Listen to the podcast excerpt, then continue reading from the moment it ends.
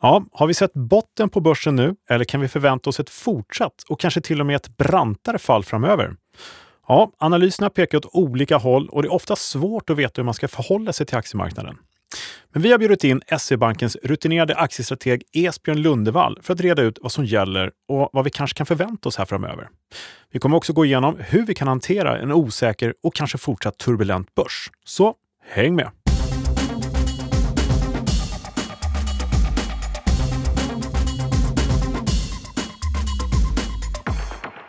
Ja, men välkommen tillbaka till Optionspodden. Podden som ger dig kunskaper som ingen privat eller professionell investerare på börsen bör vara utan. Här pratar vi om börsens hela verktygslåda och vi är inne på avsnitt 64. Jag står på Smile Studios, som vanligt extremt väl behandlad här. Och mitt mot mig står Thomas Bernholm. Från? Nasdaq. Fortfarande? Ja, ja. än så länge. Än så länge. Mm. De som eh, återkommande lyssnare kanske är trötta på det här ja, precis. det är alltid samma sak. Jag ska vara tyst nästa gång. Ja, eller så byter jag ut dig till någon annan. Nej, det kan jag inte göra. Det går inte. Gud vad elakt. Det går inte. Vem ja. vet? Ja, men välkommen tillbaka Thomas. Tack. Vad kul att vara här igen. Vi ser alltid fram emot de här inspelningsdagarna. Mm. gör vi ju. Höjdpunkter. Ja, och det är många andra som har sagt till oss att de ser fram emot att vi kommer ut i eten också. Det är kul. Det är roligt. Mm, hoppas de är ärliga. Ja, eller hur? Du, du säger mot och att man ska ge sig själv cred. Liksom. Ja. Nej, men kul, kul att höra. Mm. Och du har fått många frågor som vanligt och så vidare, så det är ett gott ja. tecken. Många ja, funderingar. Det är ju så. Är botten nådd och allt det här och börsen går? Vi ska strax gå in och kolla på det. Men idag har vi ju med oss en, eh, eh ja, men en riktigt rutinerad strateg mm. som är välkänd i marknaden på alla sätt. Esbjörn Lundevall från mm. SE-banken. Ja, just det. Gammal kollega också. Det, Superkul. Ja, så det är jätteintressant att höra vad han har att säga mm. om ja, hur börsen ska bete sig framöver och vad, hur vi ska tänka lite grann. Väldigt spännande. Eh, ja, nej men, eh, jag tänker så här att eh, eh vi har ju massa och ord om investeringar, aktier och allt sånt där. Men börsen är ju kanske den vanligaste frågan eh, i inkorgen här. Dels hur det ska gå, eh, men sen också risk, volatilitet får mycket frågor om, mm. men sen också hur man ska bete sig. Mm. Så att eh, det är väldigt bra att ha koll på kanske underliggande marknaden också. Många glömmer bort det ibland, att vi handlar bara optioner och kollar på volatiliteten. Men hur beter sig börsen och hur tänker vi framförallt? Psykologin har vi pratat mycket om. Mycket frågor om det. Ja, jag förstår så att, det är det som frågorna kretsar kring. verkligen. Ja, så, men så. precis. Eh, alla vill vi göra bra affärer, alla vill vi tjäna bra med pengar och med lite god tur kan vi bidra med lite idéer och tips och tankar så att vi ska lyckas med det. Och inte minst Esbjörn idag då. Mm. Mm. Ja, men det är bra. Mm. Men du, ska vi hoppa in direkt på marknaden och se, se. vad som har hänt? Det, det jag. finns lite intressant faktiskt. Ja, visst. Vi drar dit. Ja. Ja, hörde du, aktiemarknaden eh, är ju lite skakig sådär, men har återhämtat sig just nu från ja, men nedgångarna i september. Det var ju ganska bittert och man ska dystert. Mm. Eh, gick rakt ner i slutet på september där. Eh, och det var ju Ja, lite lustigt nog så kom ju alltid de eh, domedagsprofeterna fram. Ja, men nu ska det ner. När det har gått ner fem dagar i rad någonting, ja men då ska det ner plötsligt 20 procent till. Eh, Medan andra säger det är köpläge, det är köpläge. Och de senare fick ju faktiskt rätt. Eh, vi är mitt i en rapportperiod. Det har varit en blandad kompott som vanligt. Sådär. Eh, vi har Ericsson och Telia som har varit riktigt sura, men andra bolag som har gått mycket bättre. och sådär. Eh, och eh, vi har ju fått en bra studs uppåt. Ja, men verkligen. Ja, eller hur? Mm. Och det, är ju liksom, det skapar ett gott humör. Och då kommer vi in på den här psykologin igen som är så pass eh, starkt påverkande nu skulle jag säga. Eh, för så fort det studsar upp lite, folk blir glada, köpläge och så hör man direkt att äh, vi vill inte missa rallyt mm. från sådana här traders. Så att eh, börsen mår bra. Eh, riskmässigt, när vi tittar på VIX som vi börjar kolla på, så har vi fortfarande, ska sägas, en eh, eh ganska hög nivå på VIX, runt 30-nivån. Det är alltså den nivån där investerare tenderar till att vilja lämna aktier och gå in i säkrare investeringar faktiskt. Och då ska jag säga att VIX har kommit ner från ja, 33-34 nivån kanske. Förra gången så var vi på 33,5. Eh, förra gången vi pratade för ett par veckor sedan. Mm. Så har legat och hovrat där omkring ska jag säga. Det har kommit upp lite förstås när det var sämre tider och nu har det studsat upp. Aktiemarknaden har hämtat sig lite och risken kommer då naturligt ner. Men inte så mycket faktiskt. Och vi ligger på exakt nu då? Exakt, eh, ja, men strax under 30, 29,81 mm. just nu och eh, sist jag kollade. Och då är det ju, kan man tänka sig att det är ju bättre, många snackar rally och sådär, men risken är fortfarande där. Det är liksom inte så att man har släppt plötsligt att det, det är ganska skakiga tider. Så hyfsat stor risk eh, på, alltså i VIX-termer ja. fortfarande, kan man ta med sig. Men när vi tittar på SKEW, när vi tittar på oron, vi tittar på hur mycket man är villig att betala för nedsidesskydd, eh, så har vi en väldigt intressant iakttagelse. Och vad är den? Ja, SKEW-index är på sin lägsta nivå på 30 månader. Två och ett halvt år. Hoppsan. Och vad hände för två och ett halvt år sedan? Nästan på dagen. Eh, inte riktigt på dagen, lite mer men sist vi var på de nivåer vi är på nu, VIX-index, eller förlåt, SKEW-index, normalnivån säger vi 120. Mm. Och där har den krattat kring 120 sedan egentligen eh, eh, våras faktiskt. Upp och ner, visat lite så tendens på att klättra upp lite grann och sen kommit under 120. Just det. Nu är eh, SKEW-index under 115. Mm. Precis printat på 114,97 sist jag kollade. Sist vi var på de nivåerna, det var när det var precis på botten efter coronaraset 2020. Mm. Inte sedan dess har det varit så lågt på SKEW-index. Eh, sen behöver det ju inte betyda så mycket. Vi har en helt ny marknad idag, nya orosmoment och sådär. Men det är alltså en historiskt billig premie för nedsidesskydd. Det är alltså ingen investerare egentligen som är villig att betala upp för den här stora, stora nedgången härifrån. egentligen. Okay. Utan det känns som att eh, den nedgång vi haft, den är ganska kraftig i år och bekräftad. Som, vi är ju där vi är, höll jag på att säga. Mm. Och eh, sist vi var i de här nivåerna, rent försäkringspremiemässigt, om man får uttrycka mig så, då vände det faktiskt uppåt. Eh, och det kan bli så nu, behöver inte bli så, men oron i alla fall väldigt låg för att det ska bli turbulent på nedsidan. Så kan man säga. Bra, så om vi summerar där. Eh, implicit volatilitet i form av VIX, mm. aningen ner och likaså SKEW ner på ja. ganska låga nivåer. Ja. Men VIX är fortfarande relativt hög, Precis. jag säga, eh, fortfarande. Så mm. aktiemarknaden är ju fortfarande ner eh, på året och det finns ju fortfarande i investerarnas sinnen förstås en potentiell nedsida. Det har ju mm. kommit upp och ner, upp och ner hela tiden, så här varannandagsmarknadskänsla. Men oron för eh, kommande investeringsperiod över tid är inte så att man tror att det ska komma ner alltså till en ny nedsida, det vill säga att 10% ner eller 15% ner. Den finns inte just nu som det ser ut. Okay. Och där ser vi också i volatiliteten på VIX-index som eh, i relation till VIX-index i sig självt är liksom en intressant ratio. Vi har fortfarande hög risk då i VIX-index 30 som vi just sa, men en, en ganska mycket lägre volatilitetsnivå på själva eh, indexet och optionerna på VIX-index. Och den här ration som vi brukar prata om, när den är vid 6-7, det är en stark marknad. Det är lite överköpt, när folk mm. börjar bli lite så här, äh, nu kanske har gått tillräckligt mycket. Mm. Då brukar det nästan bli en säljsignal. Den här är också på historiskt låga nivåer, också faktiskt nere vid coronanivåerna där. Ja, jag ser det på ditt mm. diagram där, det är väldigt låg nivå. Och Sen ser man också på diagrammet, om man tar fram den här ration, att sen stack det här ration uppåt igen också, i takt med att marknaden går upp. Så att eh, ja, det behöver inte betyda någonting, men det är kanske intressant att ta till sig. Det kan vara som så att det, marknaden förväntar sig liksom att det här är en sorts botten, åtminstone värderingarna just nu sådana. Mm. Uh, och Det är bra att hålla koll på de här indexen, uh, för det kan ju lika väl studsa upp imorgon som vi brukar säga, som med allt annat. Vi vet inte vad som händer imorgon. Men just nu så är värderingarna väldigt intressanta på det sättet. Så låt oss hoppas att det är positivt.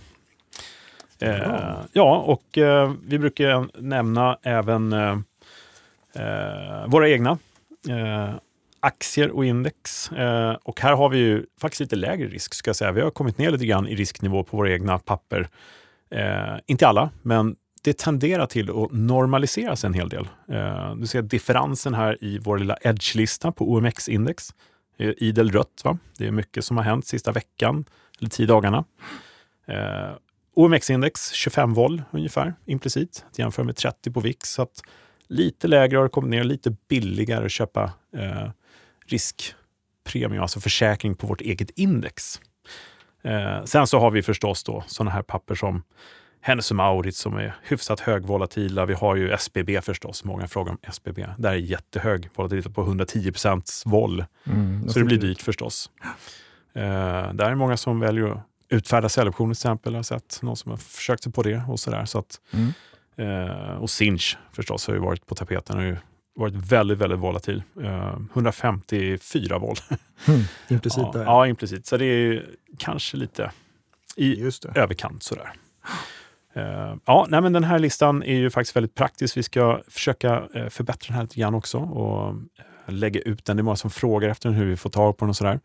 Men den kommer finnas tillgänglig. Den skickas ut och kommer finnas på bloggen bland annat. Och sådär. Så mm, in och titta på den helt Tack. enkelt. men när vi har sagt det, marknaden här, så är det ju som så att vi pratar i termer av volatilitet och risk och analyserar på det sättet. Men marknaden som sådan, aktier och strategin för aktiemarknaden, det vet ju våra strateger bäst om ute i marknaden, eller mm. Och idag har vi bjudit in Esbjörn Lundevall från SEB. Ska vi eh, helt enkelt ropa in honom? Det tycker jag vi gör. Sluta prata och prata mer med honom. Ja, ja bra. Det gör vi det. Mm. Ja, men då säger vi varmt, varmt välkommen till Esbjörn Lundevall, strateg från SE-banken. Tack så jättemycket. Kul att ha dig här. Tack. Kul ja, att vara här. Välkommen. Ja, varmt välkommen. Uh, ja, vi uh, sågs ju för många år sedan dagligen. Jajamän. På Nordea. Absolut, fast ja. det hette väl inte ens Nordea? Gjorde det det? Ja, Nordea Securities hette det på slutet. På slutet, ja, ja. men precis. Ja, ja Meisel som var Nordea. Ja, just det. Mm. Det är länge sedan. Det är det. ja, hänt lite sedan Ungefär 20 år sedan, ja, skulle jag säga. Ja. Men eh, hör du, eh, kan du inte bara snabbt för dem, ja, du är en välkänd figur i marknaden, men berätta lite snabbt om dig själv. Sådär. Ja, men jag är som sagt aktiestrateg då på SEB och ansvarig då så att säga för analysstödet inom private banking där alltså för förmögna privatpersoner. Då. Mm. Uh, håller i morgonmöten och ordnar kundevenemang och liknande. Uh, och det har jag gjort de senaste 15 åren. Mm. Och innan dess så har jag bland annat varit på, på Nordea två gånger och, ja. och gjort lite annat också. Ja. Men jag har aldrig haft något riktigt jobb brukar jag säga, utan jag har bara hållit på med aktier. Så jag är liksom en riktig aktienörd. Du känner likadant ja. alltså? Ja. ja, vad härligt. Men eh, när kom du i kontakt med aktiemarknaden? Var det tidigt eller?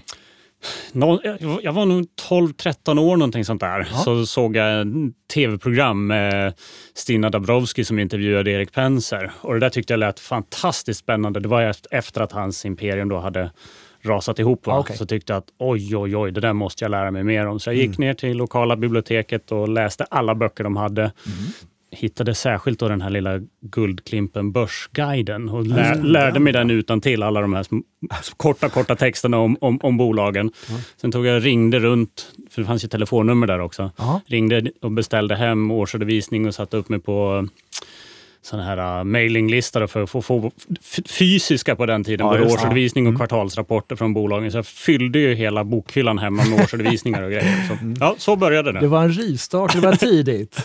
ja. Ja. ja. det är härligt. Det är det som leder till att man blir en eh, välrenommerad aktiestrateg så småningom på en av storbankerna. Så mm. kan det vara. Ja.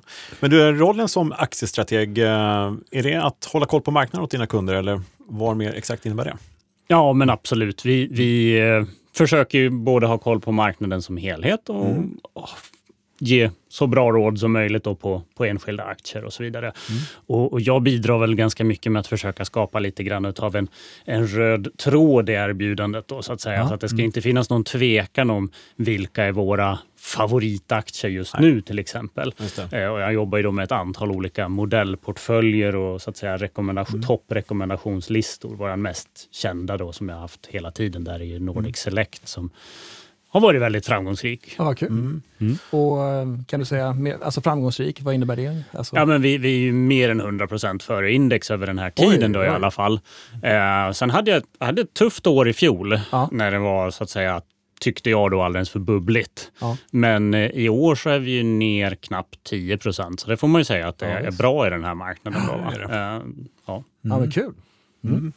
Och, och, du nämnde att det är private banking som är mottagare av dessa analyser och så, eller är det flera segment? Eller? Ja, det, det är private banking som är huvudmottagare, men till exempel det dagliga affärstips som vi skriver då och skickar ut, det, det har ju 7000 mottagare så det finns eh, lite fler. Men, men det är ju SEB-kunder som är eh, aktie aktiekunder. Då, då. Just det. Mm. Innefattar det även makroanalys och sånt eller mer bolag specifikt? Nej, det är mera bolagsfokus ja. då, men, men sen liksom aktiestrategi, där är det ju rätt svårt att inte prata ganska mycket ja, makro och så vidare också. Då. Mm. Mm. Um, ja, vi pratar ju ofta optioner här som, uh, och sådana strategier för att utnyttja alla rörelser på marknaden. Sådär. Men vad vi är nyfikna på i din roll är ju framförallt liksom risken på börsen, för den är ju ändå underliggande aktiemarknaden och sådär. Är det någonting som eh, dina kunder intresseras av, så att säga, den generella risken? Är det någonting som du tittar på? Sådär? Eh, ja, men alltså, eh, det kan man väl säga så här att eh, när värderingarna är väldigt höga, då brukar ju intresset för risk vara väldigt litet. Mm. Men när värderingarna är låga, då är ju intresset för risk desto, desto större. Då, ja, det. Så det blir lite sådär omvänt på sätt och vis. Ja. Och eh, vi kommer liksom till kärnan direkt här. Du, eh, vi läste ju att eh, ja, det är en vecka, kan det vara två veckor sedan någonting, så var du ute och berättade att det värsta är framför oss på börsen. Var... Ja, nej men det är det ju definitivt realekonomiskt också mm. och sannolikt vinstmässigt för företagen och mm. så vidare. Eh, och jag har väl varit en, lite av en bäsputte i, i mer, än, mer än ett år. Eh, men det vart ju då lite för tidigt när för bubblan bara fortsatte att blåsas upp då i, i, mm. i fjol, där, då, den här penningpolitiskt drivna sådana. Mm. Eh, och så där. Sen har jag ju varit då under början på det här året också då ganska så, så, så negativ och bekymrad, eller Mm. Tyckte ju som i början att det bara var en, en tillnyktring. Och sen har ju liksom mm. makroläget också försämrats. Så att liksom, ja. Men däremot här sen de senaste veckorna så har jag faktiskt blivit betydligt mer positiv. Inte därför att läget just nu är så bra, utan vi har ju som sagt det realekonomiskt värsta framför oss. Mm. Men man ska komma ihåg att börsen hela tiden försöker att blicka in i framtiden. Det. Och det är som mörkast precis före gryningen och där tror jag ungefär att vi är nu. Mm. Nu ska man säga att det kan ju hända allt möjligt jätteotrevligt. Det kanske liksom Xi bestämmer sig för att invadera Taiwan imorgon eller Putin drar till med atombomben och så vidare.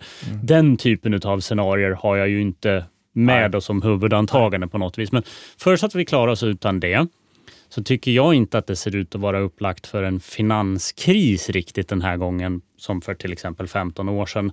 Eh, tycker banksystemet ser ut att vara mycket, mycket bättre form och så vidare. Mm. Klarar vi oss undan den typen av jättedåliga scenarion, då har vi ändå en börs som är värderad runt omkring 10 års lägsta. Så att man har tagit höjd för mycket elände. Och kanske mm. ännu viktigare egentligen, tittar man på hur institutionella investerare ligger positionerade och hur de ser på framtiden så har du alltså en rekordstor pessimism och rekordstor undervikt i aktier och en rekordstor eh, pessimism vad det gäller konjunkturen. Så att förväntningarna kring vad som ska komma är väldigt lågt ställda.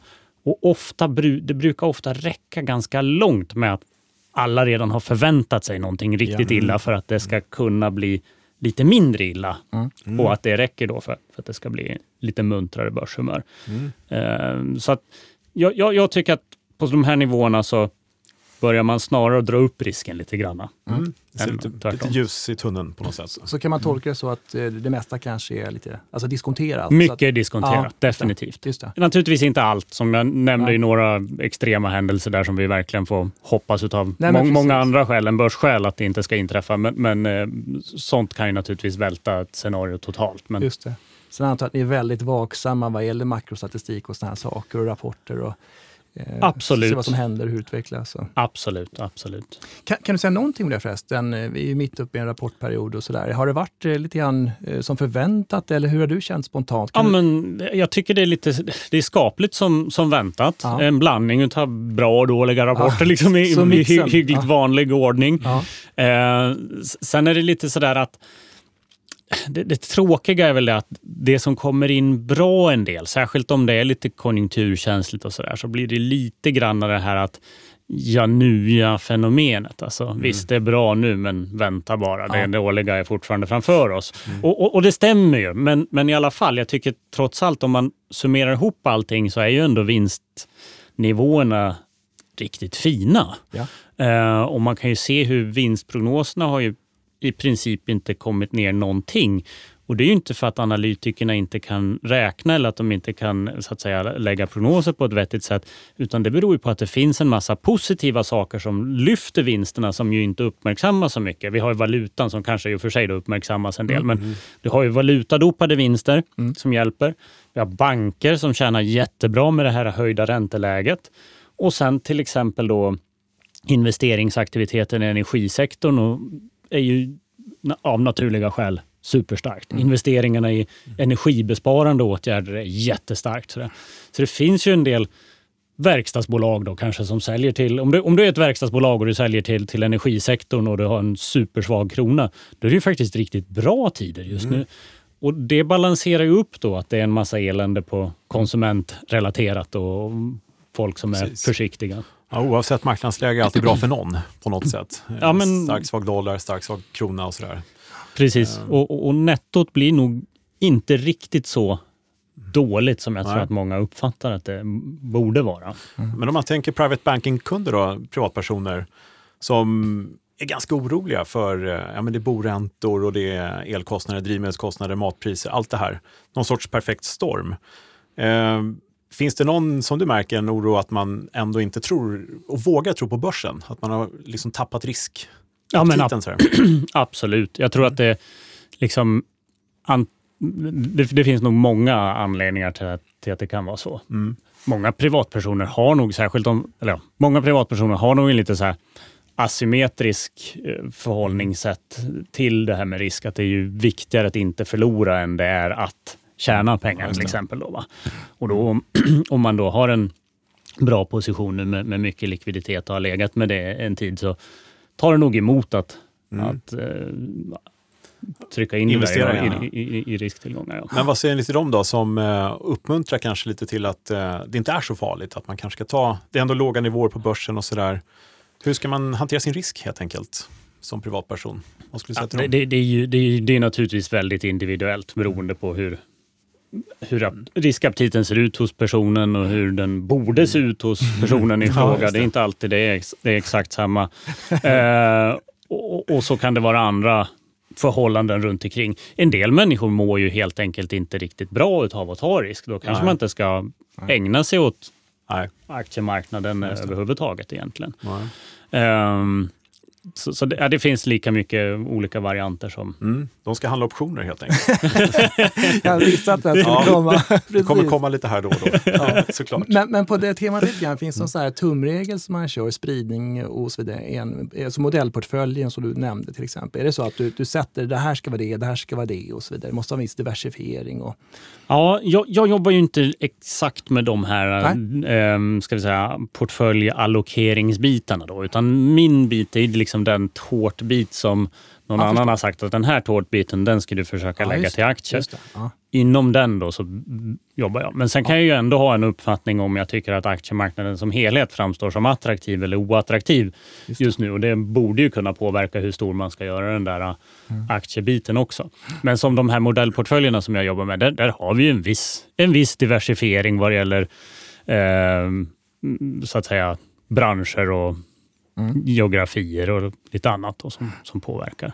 Mm. Och sen som Kalle var inne på lite grann, eh, ni har ju private banking-rådgivare och så, så ni, det förekommer ju en massa olika derivatstrategier också, eh, misstänker jag. Absolut, ja. absolut. Fast de har vi då så att säga, ja, det är på, på enskild ja. Med Just det. Ja, men precis. Men om man, det är ju, eh, optioner är ju ett derivat, så det är ju liksom en eh, underliggande marknad som är just aktiemarknaden, så den är superviktig. Men om det nu skulle risken skulle dra på här och så går det ner ett nytt, det händer någonting imorgon som vi inte vet just nu och så går det ner. Vad är liksom rådet, skulle du säga då, till den som har en aktieportfölj? Är det bara att sitta still i båten och vänta eller ska man sälja av en del? Eller köpa eller, mer? Eller köpa mer, ja. Precis. Vad, vad gör man då? Liksom, hur bygger man en bra riskportfölj helt enkelt? Det är 100 000 kronor frågan. Ingen lätt fråga. Exakt svar vill jag ja. Nej, det är svårt. Ja, men jag, jag, jag, jag tycker alltså faktiskt det är en, en, en underskattad eh, del i det här uh, portföljtänket tycker jag är att faktiskt sätta sig in i och kunna förstå och ha koll på och följa de bolag som man investerar i. Mm. Självklart ska du ha en viss diversifiering mellan olika geografier och branscher och, och annat. Men mm. sen kan du också reducera risk genom att vara kunnig kring, kring det Precis, ja. som, som du är investerad ja, i. Mm. det tror jag att i vissa sammanhang blir, blir ja. lite negligerat. Mm. Ja, det är väldigt klokt. Eh, kunskap helt enkelt. Många som investerar kanske ja, men lite huvudlöst emellanåt, märker man bland frågeställningar. De inte riktigt vet bolagens... Eh, ibland kan ju, jag vet inte om du håller med, men vissa alltså, finanschefer och sånt bolag vet inte ens själva om morgondagen riktigt. Så hur ska vi veta? Nej, men, Ja, så, så, så. sådana inslag finns det definitivt. Alltså att, eh, Ja, men ju mer man läser på förstås, desto säkrare är man ju med risker. Jag skulle återknyta lite grann till räntan som du var inne på, lite grann med banker och sådana saker. Och, eh, men hur påverkar egentligen ränteläget aptiten på aktier? Alltså, är, det stora slag i dina modeller så att säga? Ja, men alltså som, som det är just nu så har ju räntan varit den viktigaste. Alltså under en period har ju räntan varit den viktigaste faktorn för börsen. Och då kanske i synnerhet amerikanska långräntorna är det som på slutet har varit mest börsdrivande. Eh, kanske den här allra, allra sista dagarnas uppgång har varit lite mindre kopplad till räntan, men vi hade ju dessförinnan ett antal veckor då man nästan kunde sitta och följa så att säga tick för tick på, på, på, på marknaden och Ja. hur den styrdes av de amerikanska långräntorna. Då? Så, så att, eh, det är definitivt i fokus och, och på de här nivåerna där vi är nu så är ju högre ränta dåligt för, Ja. för börsen, helt klart. Just det. Mm.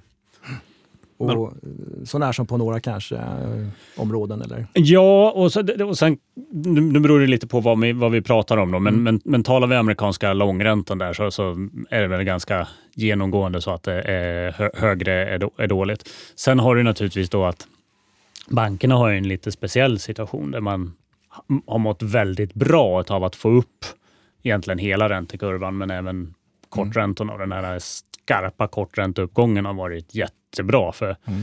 inlåningsmarginalerna i bankerna. Så att, eh, ja, vi har sett rä- räntenettorna som, som sväller till ordentligt i, Ja. i banken och det kommer fortsätta en bit till. Eh, sen får man ju se hur mycket det där motverkas av eh, högre kreditförluster. Men, men vår syn just är i alla fall att eh, det inte ser så illa ut på kreditförlustsidan heller. Mm.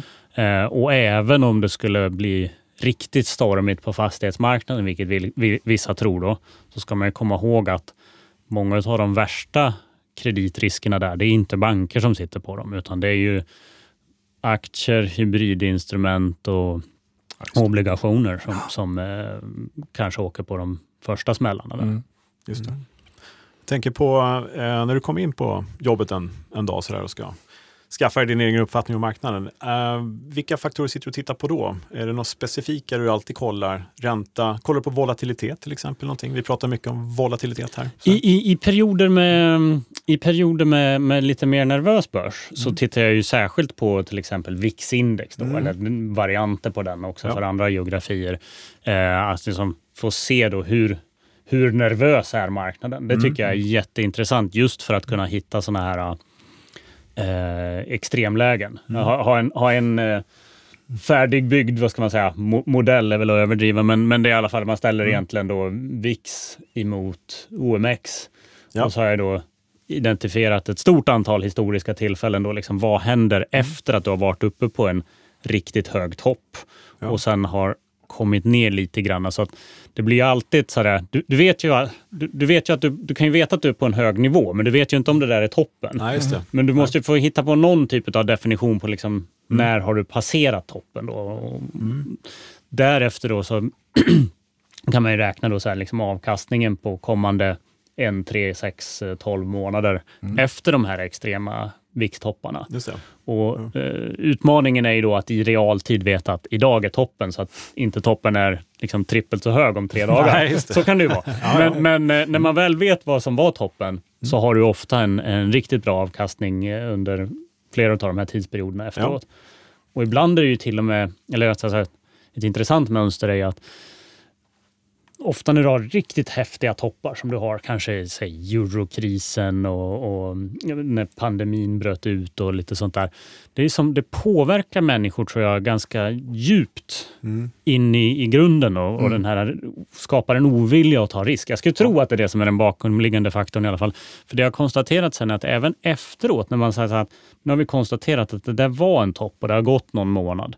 Även därefter brukar det under ett antal månader vara riktigt bra avkastningsmöjligheter i snitt då, då, eh, efteråt. För att, ja, förmodligen för att man fortfarande sitter och är nervös då. Ja, efter det. det. där. Ja, jag nämner en riktigt viktig faktor vi pratade om i sista avsnittet, här, psykologin på börsen. Är det någonting som du tar i beaktning liksom, så här, som en stor Absolut. del? Absolut. Eller? Det är ju, och det är ju sådär som det jag berörde nyss, att mm, kanske det liksom viktigaste, om man vill vara positiv idag i alla fall, Mm. så är det ju kanske det viktigaste just det här att, att äh, allokeringen till aktier redan är så pass låg då hos och att många, att pessimismen är så pass utbredd. Ja. Många är liksom, eh, vi, är väl, vi är väl medvetna om de här eh, dåliga faktorerna med, med högre räntekostnader och dyra elräkningar och så vidare. och så vidare. Men när det där väl är, är känt och, och man har tagit position för det, anpassat sina portföljer för det, ja då är det dags att börja blicka efter vad är nästa grej då? Ja.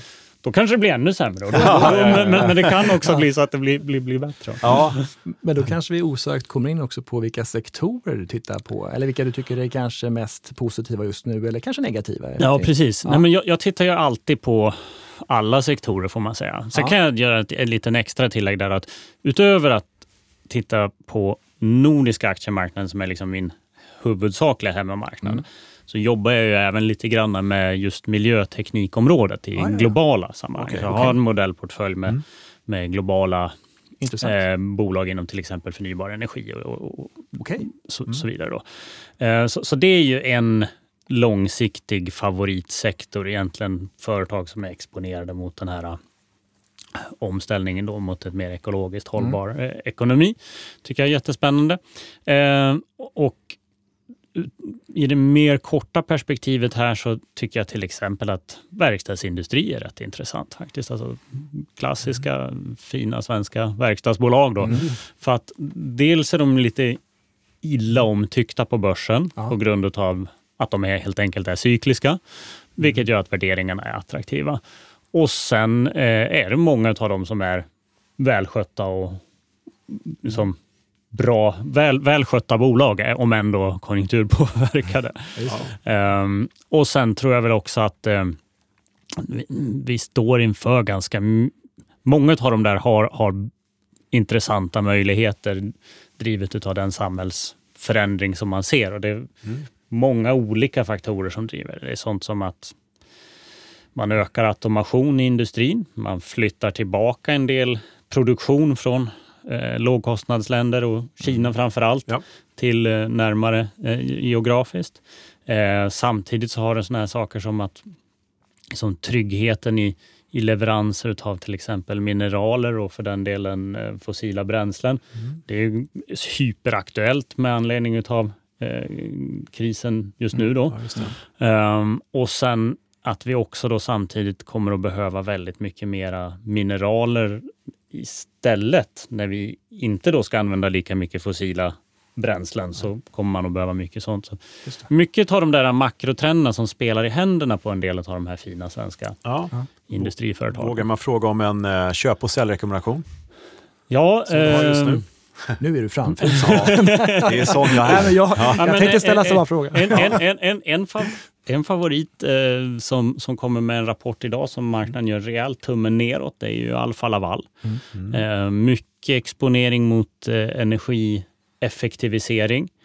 Mycket eh, exponering mot den här eh, energiomställningen också. Då. Mm. Eh, och sen även en spännande twist på det som man kan tycka är precis tvärtom. Men alltså att de har då olje och gasindustrin som en ganska tung kundgrupp som ju har varit ett elände i ganska många år nu. Men där man nu ser då precis Ja, tvärtom, att man drar upp investeringen ordentligt för att vi ska kompensera då för bortfallet från, från Ryssland. Så att många olika delsegment går rätt så bra för dem.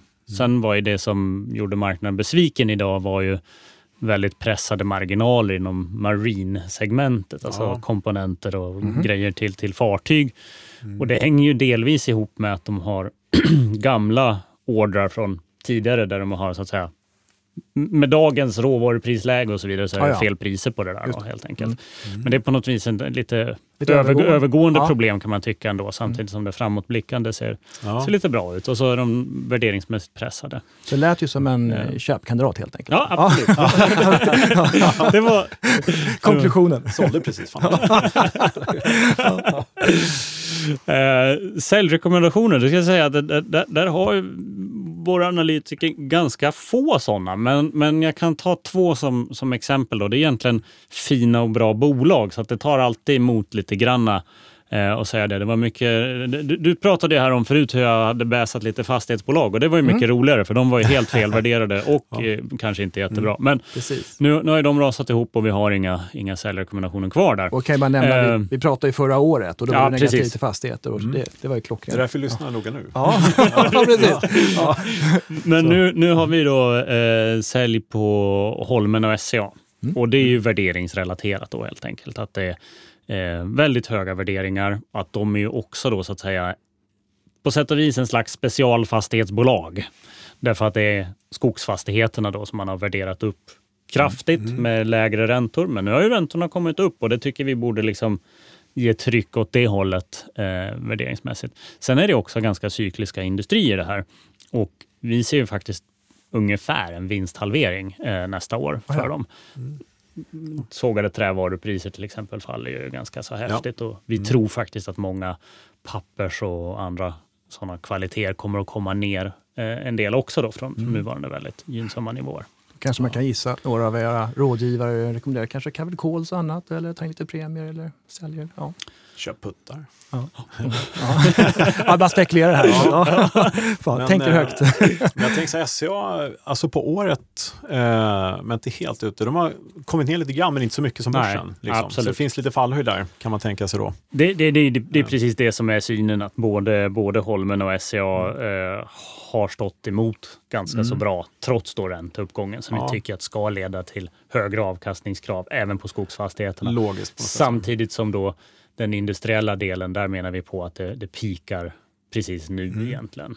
Ja, fan safe. Nedsidesputtar nästa, mm. köpa.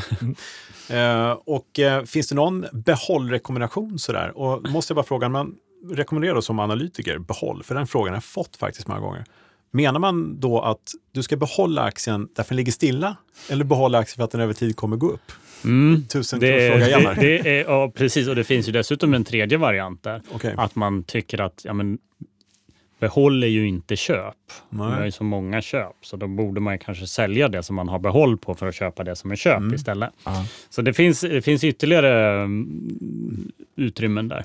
Mm. Eh, nej, men då kan vi ta en, en aktie som vi har behåll på, men som är ett, ett av mina favoritbolag ändå. Då. Det är ju, vad heter det, Eh, Sandvik har vi en behållrekommendation mm. på. Ja. Eh, och det är ett riktigt fint bolag som kom med en bra rapport nyligen. Och ja. På det där temat som jag pratade om lite grann tidigare, här med mm. ökat behov av mineraler för mm. av diverse mm. skäl, mm. eh, så tror vi på att det kommer att vara en bra marknad för deras mining equipment eh, verkligt under, under rätt så lång tid. Ja. Och, det, och, där har vi behåll, så där ja. kan du hitta på någon bra Ja, där säljer vi en strangle mot ett eh, innehav. ja, så får vi en premium och mår bra av där. Ja, Uh, ja, det är ett kvalitetsbolag, men jag tänker många frågor uh, som kommer till oss här, det, det handlar ofta om innehav förstås. Och då är det oftast lång sikt. Och då tänker jag att Sandvik är en sån marknad över många år framöver. Så kvalitetsbolag, säkert bra att ha i portföljen mm. kanske. Även om det nu är behåll på det här så kanske man ja, men har ett bra, stabilt innehav liksom, mm. över tid. Nej, men som du var inne på, där det är jättebra att utnyttja den situationen. Jag säljer mm. en köpoption, säljer en säljoption, säljer en, en vagga mot innehav. Liksom, ja. Och inkassera en del premier. Ja, men precis. Om den är stabil aktien. Liksom. Jag tänker på köprekommendation där. Eh, många pratar om att sälja säljoptioner, utfärda säljoptioner. Ge rätten till någon annan att sälja till dig. Och just nu är det hög premie, hög volatilitet, så man får mm. bra premie in. Det kan vara ett bra sätt att komma in kanske i ett bolag som man ska ha över tid. Ja, men absolut. Om, mm. om man, eh, alltså, en del jobbar ju på det viset att de sitter och bevakar bolaget XYZ. Mm. Så mm. tänker man att kommer den där ner under 100 spänn, då ska jag mm. baska mig köpa. Ja, då kan man ju lika gärna få betalt för att göra det man ändå mm, har mm, tänkt att göra. Plus att man får då en sån där liten extra kick där att man verkligen gör det man sagt att man ska göra. Sant. För det är också en hemskt vanligt problem. Ja. Att man tänker att om den där kommer ner, då ska jag minsann köpa. Mm. Och sen kommer den ner och då är det ju oftast någonting som har hänt som är tråkigt, va? som ja, ja. har skapat ja. det där. Nej, jag, jag vågar inte. Nej, va? men då, då sitter det redan Ja. i det där. Då har du redan åtagit dig det. Så det, det kan ju vara bra. Vad var det vi fick lära oss? Nej, jag väntar lite. Ja. Vänt, vänta på vad då? Precis, ja. exakt. Ja, men det var kul, nu kom vi lite grann på optionsstrategier och sådär. Och, mm. eh, det kanske är så att du har någon favoritstrategi, för du har ändå sysslat en del med derivat också genom åren. och sådär. Men är det någonting du känner så här, den där, den där kan jag tycka är rätt bra?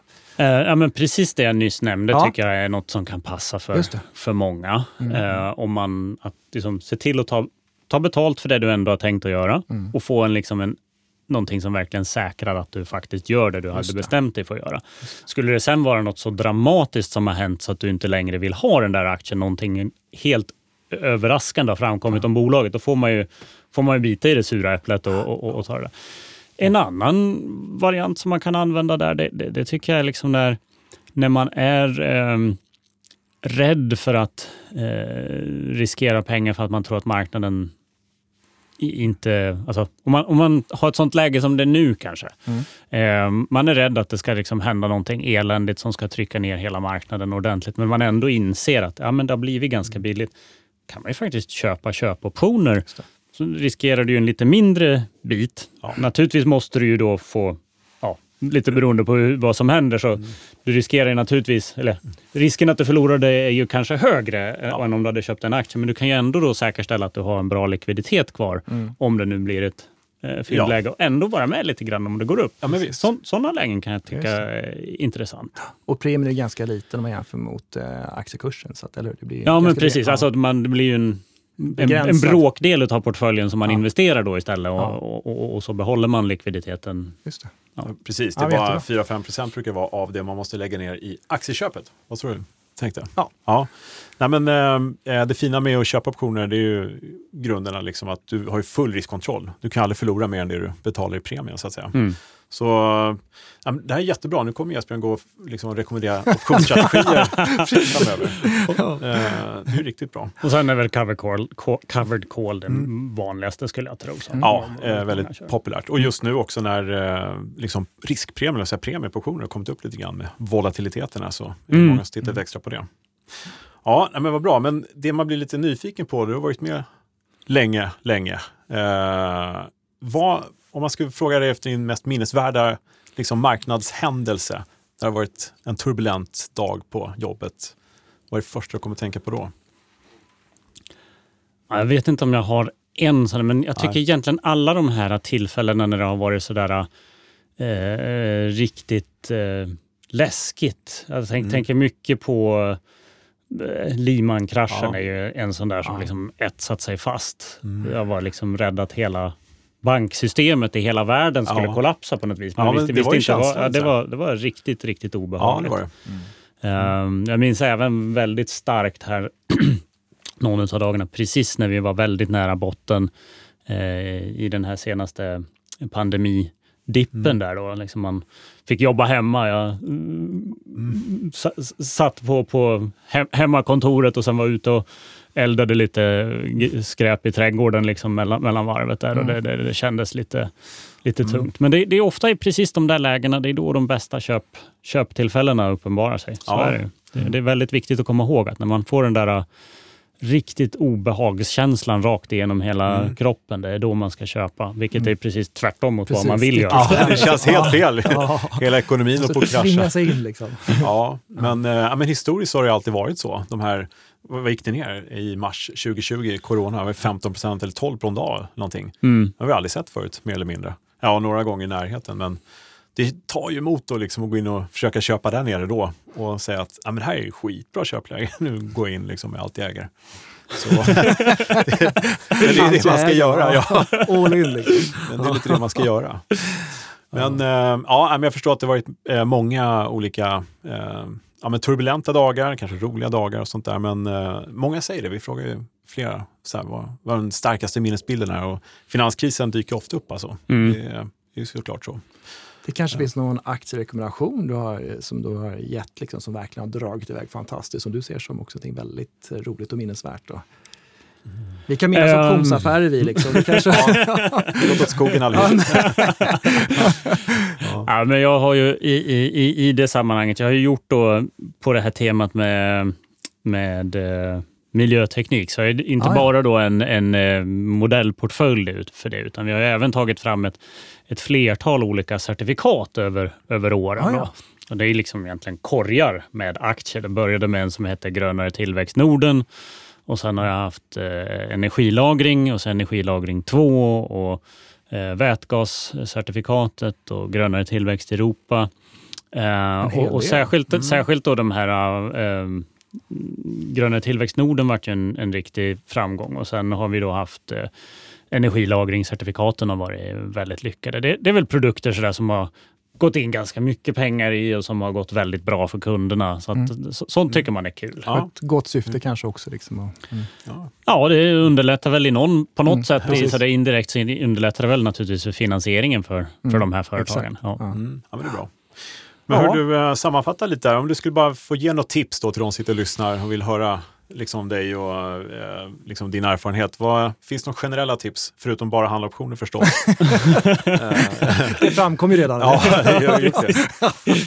uh, nej, men om man ska skapa en portfölj just nu där eh, vi har risker i allt möjligt som krig och gud förbjude de saker vi nämnde som kan hända. Mm. Och om man är lite orolig, så här, för det tenderar att komma sådana frågor tycker jag, där folk är lite rädda av sig.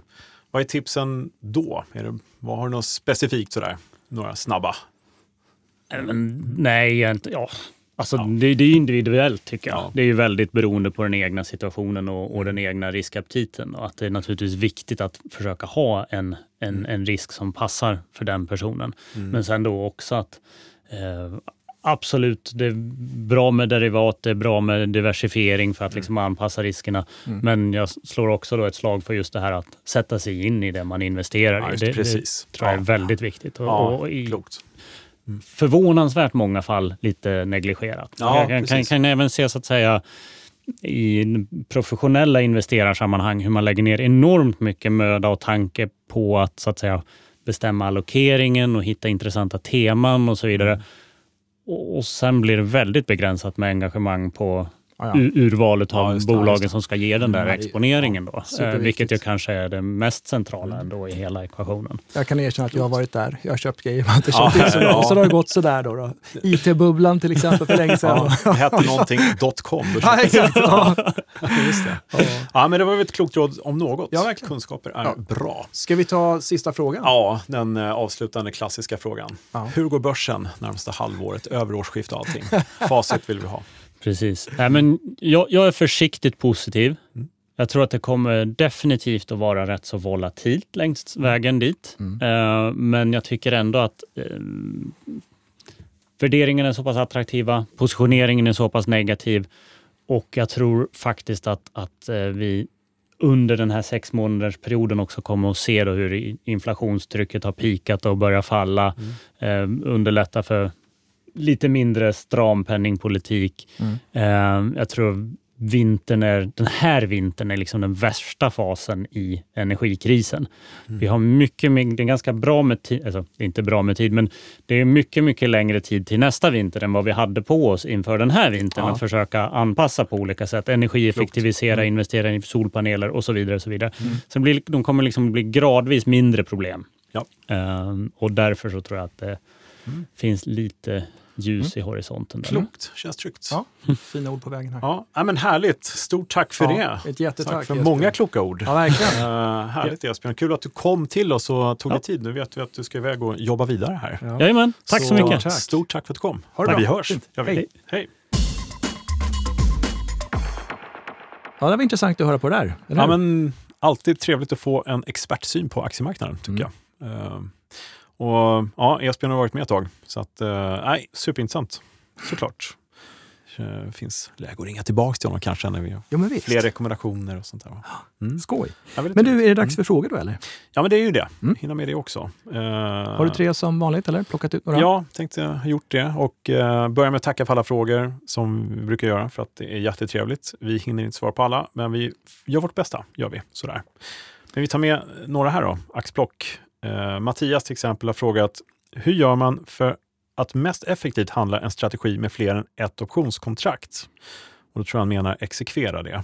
Eh, Ja, precis. Så tolkar jag det också. Ja, och ja, det finns ju faktiskt en tjänst för det. Eh, Precis, de flesta kanske känner igen det när man säger tailor-made combination. mm. När man kan skräddarsy en order, de ska säga, sätta ihop upp till fyra ben. Men eh, numera så heter den kanske UDS i systemet. User, Defined, Strategy. Oj, vilken fin röst du fick till det. Ja, just det. Och det är någonting som, som jag pratade om lite grann tidigare, men man bör kontakta sitt mäklarbord. Ja. Vi kan, ska vi förklara det här lite? Att om man handlar en strategi, då är det ofta mer än ett optionskontrakt man handlar. Mm. Och då finns det ju en så kallad execution risk. Om man ska ha ett pris netto för de två optionskontrakten så är det ju tiden mellan man köpt det andra eller sålt det andra, eller köpt det ena eller köpt det andra eller vad man nu gör, så Mm. finns det ju en risk att marknaden rör på sig. Och då kan man ju råka illa ut. Dels det, och sen kan du få en mycket bättre prissättning Mm. om en market maker går mot två ben samtidigt. Just det. För då köper de och säljer volatilitet kanske samtidigt. Då Mm. blir det mindre känsligt. Och så, så att det finns flera fördelar med att eh, använda sig av Ja. sån här. Så eh, tailor-made combi- combination får man inte säga längre då alltså? Det får man. Ja. Jag, tror att, jag tror att många säger just det. Men eh, sen en tid tillbaka så Mm. står det UDS i systemet. User Defined Strategy. Ja, ring till mäklaren Mattias och eh, begär att du vill göra den på ett nettopris som du har bestämt så Mm. läggs det in i marknaden helt enkelt. Exakt. Mm.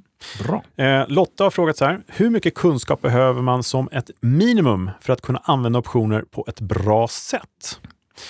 Mm. Ja, en definitionsfråga förstås. Man kan Ja. aldrig få för mycket kunskap. Men som jag varit inne lite grann på också tidigare, det är lite grann Mm. vilket syfte man har och vilken strategi man tar. Men eh, Mm. en enkel vanlig grundstrategi, har man förstått det Ja. och förstår innebörden, effekten och allting sånt där så, så Ja. kan det räcka med det. De fyra grundpositionerna. En köpt call eller en såld putt, vad innebär det? Och det är ju Mm. inte alls svårt att eh, lära Ja, sig faktiskt. Rättigheterna, skyldigheterna, vad det innebär. Ja, Mm. och för den eh, nytillkomne lyssnaren så kan vi gå tillbaka till de absolut första avsnitten, för där har vi ju en ren och skär genomgång hur det funkar ju. Mm. Eller hur? Ja, visst. Så kan vi börja där. Så att, eh, ja, Och eh, rätt om jag har fel, men vi pratade lite mer där om TMC också, lite mer i tidigare avsnitt och sådär. ja, det gör vi ju. När det fortfarande hette TMC till och med Mm, kanske. Precis. Så be om ursäkt för att eh, Nasdaq eh, ändrar alla namn så att det blir svårt att hålla koll på. Förlåt. Ja. Men eh, så hur mycket kunskap behöver man? Ja, men inte särskilt mycket för att komma igång på ett bra sätt. Sen är det en tidsfråga hur mycket man har tid att lägga ner. Eh, Men vill man sätta sig in på den högsta nivån krävs lite mer tid, men det går ju bra det också. Det är Mm. individuellt förstås. Nu ska jag inte föregripa dina slutord, men din kurs till exempel är en bra start Mm. som finns digitalt kostnadsfritt på nätet. Ja. Att gå den så har man en Ja. väldigt bra grund. Bara gå in på optionskurs.nu. Ja. Så Mm. Helt gratis och så får man definitivt alla de här minimumkunskaperna och det går ju ganska fort. Sen Mm. är man igång. Så, ja, ja, men bra fråga ändå, för det dyker upp ibland. Hur Ja, mycket visst. tid behöver man lägga ner och sådär? Och det behöver inte alls vara så mycket extra. Eh, sen har Theo frågat så här, kan man testhandla med optioner någonstans? Och Det här är ju en intressant fråga förstås. Och förr i världen fanns det något som hette just testoptionen. Kanske inte många känner till. Eh, men vi snackar 25 år sedan. Liksom. Eh, Någonting sånt ja. då fick man 20 skriva på ett papper vad man ville göra, med, köpa en indexoption. Så fick man hem brev liksom, hur utvecklingen hade gått i den där. Jaha, Ja, var det så pass? Det fanns att ett, ett, ett digitalt system också faktiskt ett tag. Men, ja. men det är historia, så att, eh, Mm. vad gör man idag? Man kan såklart skriva ner och Mm. handla fiktivt och, och notera priser och sånt. det är det allra bästa. Ja. Men det finns även då en funktion i Options Play-verktyget. ja, Optionsplay.se lägger sig där inne i verktyget. Kostnadsfritt för privatpersoner. det är finns bra. en portföljfunktion. Mm. Så testa där. Ja, men Få fram precis. grafer och sånt. Ja, men det är jättebra, så man kan simulera lite grann innan Mm. man går skarpt. Så att säga. Men visst. Kommer ihåg, man gjorde en bra affär simulerad. Men är irriterad att man inte gick in skarpt direkt. Du sa att du blev arg där. va? Ja, jävla skit, jävla idiotprodukt det här. Ja, vad roligt. Ja, nej men det, det är om det. Och eh, vi skickar fler frågor helt enkelt. Det är alltid härligt. Eh, vi märker faktiskt att intresset går upp väldigt mycket. Eh, Ja. Och jag måste ju nämna, det är du som får alla frågor och mejl egentligen Mm, med tanke på ja. att du står för podden och sådär. Men jag har fått en del samtal och mejl och sådär. Och, och, Mm. nej, men det, det är jättekul. Det sprider sig till dig också? Alltså. Ja, faktiskt. Vad härligt. Sådär, så det Ja. kommer lite önskemål och eh, Mm. lite bra feedback. och sådär. Ja. Så att, Ja, men det är roligt. Och, vi Mm. ska, och det, det är faktiskt värdefullt för att eh, vi ska skapa en bättre marknad som är uppgiften här faktiskt. Eh, så ja, förhoppningsvis har vi ännu fler roliga grejer att berätta här framöver. Mm. Och eh, ja, jag misstänker att du har förberett ett ordspråk. nej, det har jag inte. Nej. Men jag har fått flera inskickade. Se där. Ja. Och ett kom från eh, Ulf. Och eh, Det låter så här. All den matematiska kunskap du behöver för att handla på börsen lär du dig på mellanstadiet. Och det här kommer från Peter Lynch, en legend. Ja, just det. Det såg lite Eh. Och där är lite avdelning alla kan handla på börsen. Och tack Ulf, det här är en bra... Eh, väl, alltså, jag kan inte annat än hålla med. Man, vi står här och pratar börsen, då kan ju vem som helst klara av det.